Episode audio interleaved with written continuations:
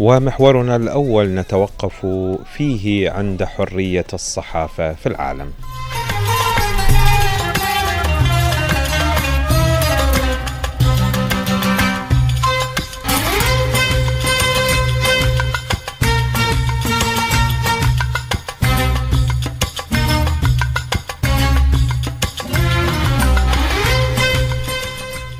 يعني دائما عندما تقع الأزمات في العالم يثار سؤال هل هنالك حرية للصحافة في العالم حقيقية أم إن ما تدعيه أو ما يدعيه أو ما تدعيه دول العالم الكبرى حول حرية الصحافة ما هو إلا أكذوبة كبيرة كما هي أكاذيبهم في الكثير من القضايا التي ادعوها حتى في تطبيقهم للديمقراطية. على ناس وناس على قولة القايل. ففيما يخص حرية الصحافة لك الحق في الغرب أن تتحدث بما تشاء. ممكن أن تسب رئيس وزراء تسب رئيس جمهورية كذا لكن ليس لك الحق في أن تقترب من النظام السيستم الذي يقوم عليه تقوم عليه هذه الدول. يعني مثلا إذا صحفي في الغرب قام بكشف عمليات تعذيب قامت بها حكومة غربية مثلا هذا هذا ما ممكن يبقى يعني. إما يغتالوه أو يسجنوه ويت ويتهمونه بالخيانة كما سنرى مثلا. آه كذلك فلذلك عندما تقترب من السياسات الكبرى آه عند ذلك أنت لست صحفي أنت خائن بالنقد طبعا والتعريض. لذلك أي قضية كبرى اليوم حتى في الحرب الروسية الأوكرانية الجارية حاليا الغرب يتعامل معها بازدواجية عالية. آه، يعني الصحافة اليوم عندما آه، تنتقد أوكرانيا على سبيل المثال وتشيد مثلا برؤية روسية معينة يعتقل هذا الصحفي حتى أنه يحاكم. لذلك تمتنع الصحافة في الغرب من توجيه التهم إلى روسيا إلى أوكرانيا مثلا أو انتقادها ومن ثم يكون الواقع والحال هو مع روسيا تماما يعني الصحافة مع النظام في الغرب. إذا كانت هنالك خلاف الوجهه وجهة النظام بدعم أوكرانيا فلذلك يحاسب الصحفي. كذلك الحال في الصراع في الشرق الأوسط بين الفلسطينيين والإسرائيليين. آه، الصحافة في الغرب عندما تنتصر لفلسطين تتهم بأنها تعادي السامية. والصحافة عندما تتهم مثل هكذا اتهام تحاكم ويتهم الصحفي بأنه معادل للسامية. آه، إذا هذه حالة من الازدواجية غريبة. فلذلك أي تقرب من النظام الذي يسير عليه العالم يعتبر خيانة. فلذلك موضوعة حرية الصحافة عندما نتحدث بها اليوم آه، ونقول إن هنالك حرية صحافة كبيرة في الغرب هذه أكذوبة آه، لأن حرية الصحافة ذات آه، لأن الصحافة في الغرب هي باتجاه واحد. أما إذا كانت هنالك اتجاهات بخلاف النظام المفروض على العالم من قبل دول الغرب فهذا يعتبر خيانة لذلك النظام. أما نحن في دول العالم الثالث وخصوصا في الشرق الأوسط وخصوصا في العراق إذا شئنا أن نتحدث عن حرية الصحافة فبصراحة يعني يعني ما أعرف من أين أبدأ وأين أنتهي. حرية الصحافة تكاد تكون لدينا أو لا يوجد لدينا حرية صحافة بحقيقة. لأن حر لأن الصحافة آه، آه، هي بأن تكون ناقدة لأنظمة الحكم بذات الوقت مصححة للمسار وهي ليست ناقمة على أنظمة الحكم. آه، أي نقد يوجه اليوم لنظام حكم نقد حقيقي وليس نقد آه، هدام كما تحاول بعض آه، القنوات الصحفية في العراق أن تسوقه وفق أجندة معينة؟ سيكون هذا النقد غير مقبول في العراق يعني مثلا أنت تنتقد جهة سياسية معينة تنتقد حزب معين لماذا تنتقده آه، تنتقده لأنه مشارك بالحكم أكيد الذي يشارك بالحكم يقع في أخطاء والذي يقع في أخطاء ينبغي أن ينقد لكي يسير بالمسار الصحيح. فلذلك الكثير من الصحفيين فقدوا أرواحهم نتيجة الصوت. صوت قاله في وضع معين في كذا اتهم وبالنتيجة هذا الاتهام حول إلى آه، أن يصفى. فلذلك موضوعة حرية الصحافة طبعا هذا الموضوع ليس في العراق فحسب لا في دول المنطقة ككل يعني صحفي كتب مقال في صحيفة آه، ونقد به آه، النظام في بلده وهو خارج خارج بلده. قطعوه إربا. قطعوه ولم يبالوا ولم يوجد من جثته شيء. لم يجدوا عفوا من جثته شيء. وهو خاشقجي مثلا على سبيل المثال. هذا.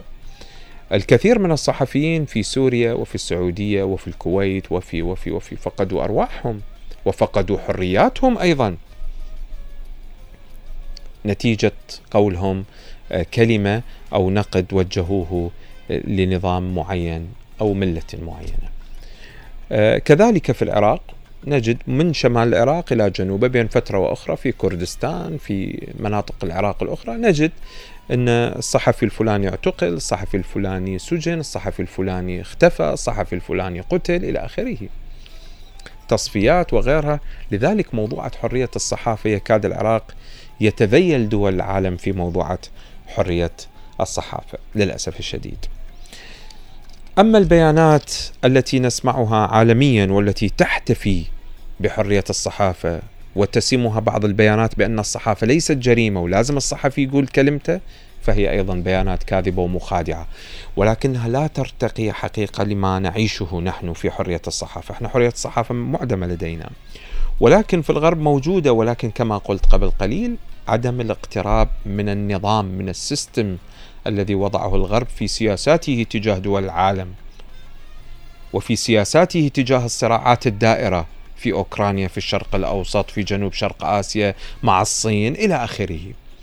فلذلك نجد أنه أي صحفي يخرج أو يغرد خارج السرب يتهم باتهامات كبيرة وقد يصل الاتهام به أن يحاكم وقد يعني حتى يصفى في بعض الأحيان. خصوصا في تعاملات الغرب مع الدول التي تعتبرها ندا لها كروسيا والصين عبد الخالق كريم ومزيد من التفاصيل في بيان صدر عن وزارة الخارجية الأمريكية في العاشر من نيسان جاء ما يلي الصحافة ليست جريمة وغردت وزيرة الخارجية الألمانية أنالينا على تويتر يجب ألا يصبح الصحفيون لعبة المناورات السياسية الغادرة. وأوضح وزير الخارجية الأمريكي أنتوني بلينكن قلقه الشديد بشأن الاعتقال غير المقبول للصحفيين وقمع وسائل الإعلام المستقلة. وفي مكالمة هاتفية حث رئيس الوزراء الكندي جاستن ترودو والرئيس الأمريكي جو بايدن على إطلاق سراح الصحفيين المعتقلين بتهمة التجسس. وحتى الحكومة البريطانية انضمت إلى الدعوة إلى الحرية للصحفيين. في الحادي عشر من نيسان وبعد مرور أربع سنوات على اعتقال الصحفي الأسترالي جوليان أسانج من قبل الشرطة البريطانية في سفارة الإكوادور في لندن. ومنذ ذلك الحين لم يرى أسانج سوى جدران زنزانة صغيرة في سجن بالمارش شديد الحراسة المعروف باسم إغوانتينامو البريطاني. وهو محتجز هناك في حبس انفرادي دون إدانة ولم يتم في المملكة المتحدة توجيه تهمة إليه أيضا وهو محتجز في سجن الترحيلات بسبب مطالبة الولايات المتحدة بتسليمه لأنها تتهمه بالتجسس. وإذا سلم أسانج وأودين فإنه يواجه عقوبة بالسجن تصل إلى 175 عاما بتهمة الخيانة لفضحه جرائم حرب أمريكية وعمليات تعذيب مارستها وكالة المخابرات المركزية الأمريكية. في شباط 2020 وآيار 2022 عارض المجلس الأوروبي تسليم مؤسس موقع ويكليكس جوليان أسانج إلى الولايات المتحدة. واعتبر الطريقة التي يتم التعامل بها معه واحدة من أكبر التهديدات لحرية الصحافة. وأضاف سيكون لتسليمه آثار على حقوق الإنسان تتجاوز هذه الحالة الفردية. ولم تصدر محاكم لندن المعنية حكما بشأن تأييد استئناف تسليمه إلى الولايات المتحدة الذي قدمه محامي الدفاع رسميا بمشاركة نشطة من زوجته المحامية ستيلا موريس. ويخشى أن يعتمد القضاء البريطاني على أن يسأ أساج في السجن ويموت جسديا وعقليا هناك. وقالت زوجته ستيلا موريس بعد زيارته أخيرا إن وضعه يزداد سوءا أنه يناضل من أجل البقاء. في الرابع من نيسان كان من المقرر منح منظمة مراسلون بلا حدود لأول مرة فرصة زيارة أسانج في سجن بيلمارش لقد أنجز كل شيء وتمت الموافقة على القيام بزيارة وفي اللحظة الأخيرة منع السكرتير العام لمنظمة مراسلون بلا حدود كريستوف ديلوار ومديرة الحملات فيها ريبيكا فينسنت من دخول السجن لأسباب غير مقبولة. لكونهما صحفيان. ومن بين المواد التي لن تغفر الولايات المتحدة له نشرها لقطات فيديو لطائرة هليكوبتر هجومية أمريكية في العراق قبل 13 عاما. في الخامس من نيسان 2010 نشر مؤسس موقع ويكليكس جوليان أسانج مقطع فيديو بعنوان القتل الجماعي. يظهر قصف وقتل المدنيين العراقيين بضمنهم صحفيان من رويترز هما سعيد شماغ ونمير نور الدين. انظر هناك إلى هؤلاء القتلى الأوغاد. جميلة.